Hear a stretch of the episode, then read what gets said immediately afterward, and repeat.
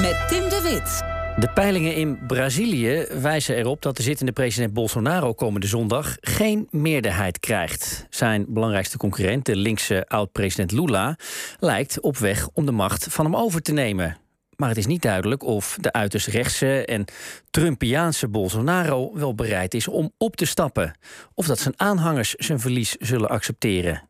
Journalist Hans Veldmeijer volgt Brazilië al 30 jaar. Is net weer terug uit het land om beide campagnes daar te volgen. En zit nu hier bij mij in de studio in Hilversum. Welkom Hans. Dank je. Ehm, wat viel jou op aan die campagnes in Brazilië? Hoe, hoe gaat het er in Brazilië aan toe in de aanloop naar zo'n grote verkiezing?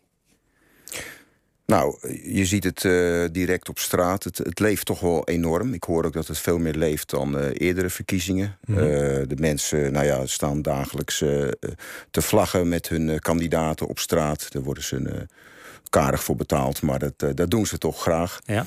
En ja, de kandidaten die, die, die kiezen vooral de aanval op elkaar zonder veel inhoudelijke thema's. Wordt de strijd vooral op het persoonlijke vlak gevoerd. Ja, Um, en hoe zou je de verschillen uh, tussen Lula en Bolsonaro uh, het best omschrijven? Want de ene is natuurlijk duidelijk links, de andere is duidelijk uiterst rechts, zou je kunnen zeggen. Mm -hmm. um, maar hoe uitzicht dat in, in wat ze willen met Brazilië? Ja, het zijn, het zijn twee werelden eigenlijk. Het zijn ook twee wereldbeelden uh, in de verschillende kiezerskampen. Uh, voor Bolsonaro is, is Lula met de Arbeiderspartij, uh, dat heeft hij vaak ook gezegd, een, een, een criminele organisatie, een corrupte criminele ja. organisatie, met Lula als een soort bendeleider. En hij wil het land uh, op orde brengen en daar is hij mee bezig. Ja. Alleen daar heeft hij niet genoeg tijd voor gehad, uh, ook door de coronapandemie. Zo verkoopt hij het in die campagne. Ja. Van, jongen, geef mij nog een extra termijn, want ik, ik heb, ben te weinig aan regeren toegekomen. ik ben er niet genoeg aan toegekomen. Hij is druk bezig geweest en dat wil hij door gaan voeren met korte op overheids uitgaven, dus een kleinere staat, liberaliseringen, ja. privatiseringen. Dat zijn de belangrijkste thema's. Daarnaast, uh, de laatste tijd, om de armen tegemoet te komen, heeft hij wel uh, de steun aan de armen opgevoerd. Ja. Dus de Bolsa Familia die Lula ooit, ooit heeft bedacht, heeft hij ook weer in ere hersteld. Om en dus zelfs, Lula een beetje en zelfs verhoogd. Ja, ja, precies.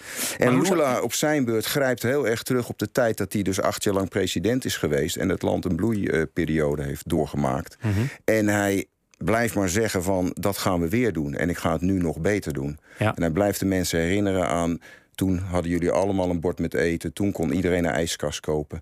Uh, dus daar uh, blijft het een beetje punt. op hangen. Ja. Um, nou zei ik het in de introductie al even, de spanningen lopen echt wel een beetje op hè, in de aanloop Mhm. naar deze verkiezingen. Uh, sterker nog, uh, 67% van de Brazilianen is bang voor politiek geweld, uh, bleek uit een peiling onlangs. Dat is echt heel veel. Ja. Merk je daar ook wat van als je, als je daar bent, dat, dat die spanning in de lucht hangt? Ja, um, dat merk je wel. Uh, ook binnen families en binnen vriendenkringen. Er wordt liever niet over politiek gesproken. We spreken ook wel over een stiltepact binnen, mm -hmm. hè, binnen families. Maar als dan eenmaal het gesprek op gang komt, dat heb ik toch een paar keer gedaan, dan vind ik het meevallen. Dan kunnen ook de Bolsonaristas nuanceren, luisteren. Uh, dan hebben ze het over een tweede kans, dat het niet geweldig was wat Bolsonaro heeft gedaan, maar we gunnen hem die tweede kans. Dus dan vind ik het meevallen. Maar er mm -hmm. zijn incidenten gebeurd. Uh, er zijn spanningen. Vandaag was er ook weer een, uh, een incident in het centrum van Curitiba. Een, een, een arts, een Bolsonarista, een, een PT. Uh, campagnevoerster uh, bedreigd uh, van de om, om Lula, neer te schieten. Ja, ja precies. dus er gebeuren, er zijn incidenten. Ja. Um, merk je daaraan ook, hè, uh, want je hebt zelf ook Braziliaanse familie, Mhm. um, dat de, de kiezer van Bolsonaro, uh, dat, dat zijn echte diehards. Dat je ze bijna vergelijk, kan vergelijken met wat je bijvoorbeeld in Amerika bij Trump ziet. Ja. Hè, want ik bedoel, er zijn genoeg mensen die, uh, zeker de tegenstanders van Bolsonaro, die zeggen: het, het, gaat helemaal de verkeerde kant op met Brazilië onder zijn leiding. Mm -hmm. Maar dat zijn aanhangers hem echt ja. kosten wat kost blijven steunen. Ja, ja, die geloven in hem en die die blijven in hem geloven. Ze laten hem niet vallen. En dat is toch wel zo'n kleine 30 procent. En dat is gewoon een ja. stabiel percentage. Daar kan hij sowieso wel op rekenen. Ja, daar kan hij op rekenen. En dat is uh, trouwer dan de Lula-aanhang. Uh, mm. Dus daar, daar zit daar zit ook een gevaar voor Lula in. Er zit toch wel veel zwevers onder zijn uh, aanhang op dit moment. kijk je naar de peilingen, daar staat Lula op 45 procent. Uh, Bolsonaro op 33 procent. Ja. komt dus inderdaad een beetje overeen met wat jij zegt. van de mensen die hem sowieso wel steunen. Mhm. Zondag hebben we dan de eerste ronde daar. Um, ja, als je daar die peiling kijkt, denk je uiteindelijk wint Lula dit wel? Of denk jij dus toch van nou, zo, zo uitgemaakte zaak is dat helemaal niet? het is een eerste ronde. En dan moet je de meerderheid hebben, 50% of meer, om in de eerste ronde te winnen. En dat wordt het spannende. Als mhm. Lula, dat kan hem gaan lukken, want sommige peilingen uh, wijzen er zelfs op dat hij e- op 51% komt.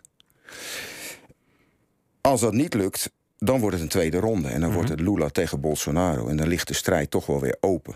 En zou het dan ook weer. moeilijk in te schatten. Ja, want zou het dan inderdaad nog een stukje spannender kunnen worden? Ja. Uh, als die twee letterlijk tegenover elkaar komen te staan. Nu doen er ook nog wat andere kandidaten mee. Dan gaat de strijd zich verharden. Dan gaat uh, Bolsonaro alles uit de kast halen. Dan kunnen allerlei uh, kleine voorvallen, uitspraken, een economie die toch verder weer verbetert, kan Bolsonaro helpen, nou ja, et cetera. Mm -hmm. Dus er kunnen allerlei onverwachte en zaken. Hij, en hij zinspeelt Hans op dat hij niet wil aftreden eventueel hè, als hij mhm. verliest. Hoe serieus neem jij dat? Ja, dat neem ik eerlijk gezegd niet zo heel serieus. Dat, heeft hij, eh, dat riep hij heel hard een tijdje terug. En dat wordt nu steeds minder hard dat hij het roept. Het is wel zo dat hij nu uh, weer toch weer uh, wanorde aan het scheppen is door beschuldigingen te uiten van verkiezingsfraude. Die, die mhm. zijn partij denkt dat er staat te gebeuren zondag. Doet ook een dus- beetje denken aan Trump, hè? Ja, ja, ja precies.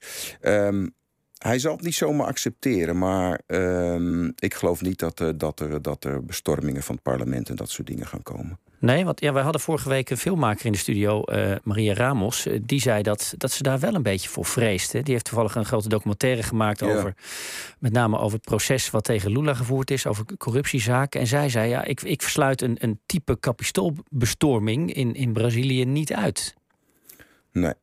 Nou, ik denk dat de Brazilianen toch wat uh, toleranter, vriendelijker zijn. Uh, ik denk niet dat ze dat. Er is een kleine groep die ertoe in staat is. Maar de Bolsonaristen die ik gesproken heb, en die zijn toch ook fanatiek voor Bolsonaro, die zouden daar niet aan denken. Die, hmm. die, nemen hun verlies gewoon als dat zo. Hoe, eh, hoe, is het in Brazilië als je kijkt naar de politie en het leger? Uh, Zijn die heel erg op de hand van Bolsonaro? Wat, zullen die wel een democratische uitslag willen, geaccepteerd willen zien? Ja, overigens heeft Bolsonaro's partij ook gezegd... we gaan controleren of de verkiezingen eerlijk verlopen... maar we respecteren de uitslag. Dat hebben ze wel, heeft de partij van Bolsonaro wel gezegd. Mm. Uh, politie uh, ja, heeft het heel erg goed onder Bolsonaro. Die investeert gigantisch in de politie. Uh, het leger ja, heeft ook nauwe banden. Er zitten natuurlijk veel generaals in de regering. Maar het leger heeft hem al vaak uh, teruggefloten... als die flirten met dictatuur en dat soort dingen. En, en staatsgrepen, dat is is niet, uh, niet te, komt niet te sprake bij het leger. Dus dat, dat geloof ik ook niet. Daar krijgt hij niet de steun van.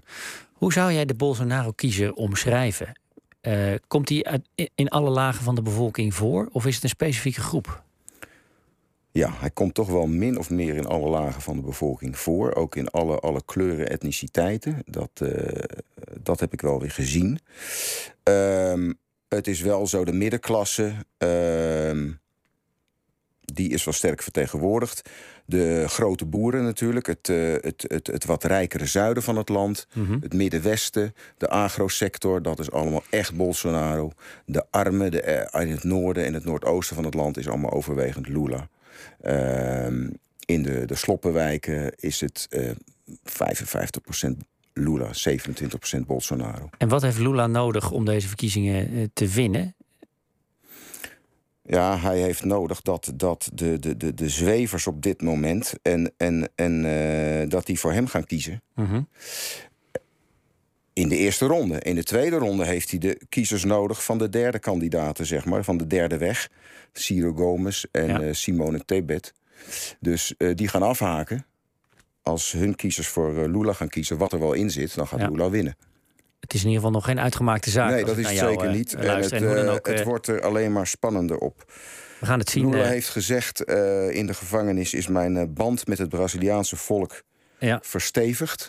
Nou, het is afwachten of dat gevoel wederzijds is. We gaan het zien. Komende zondag dus de eerste ronde van de presidentsverkiezingen in Brazilië. Dank, journalist Hans Veldmeijer.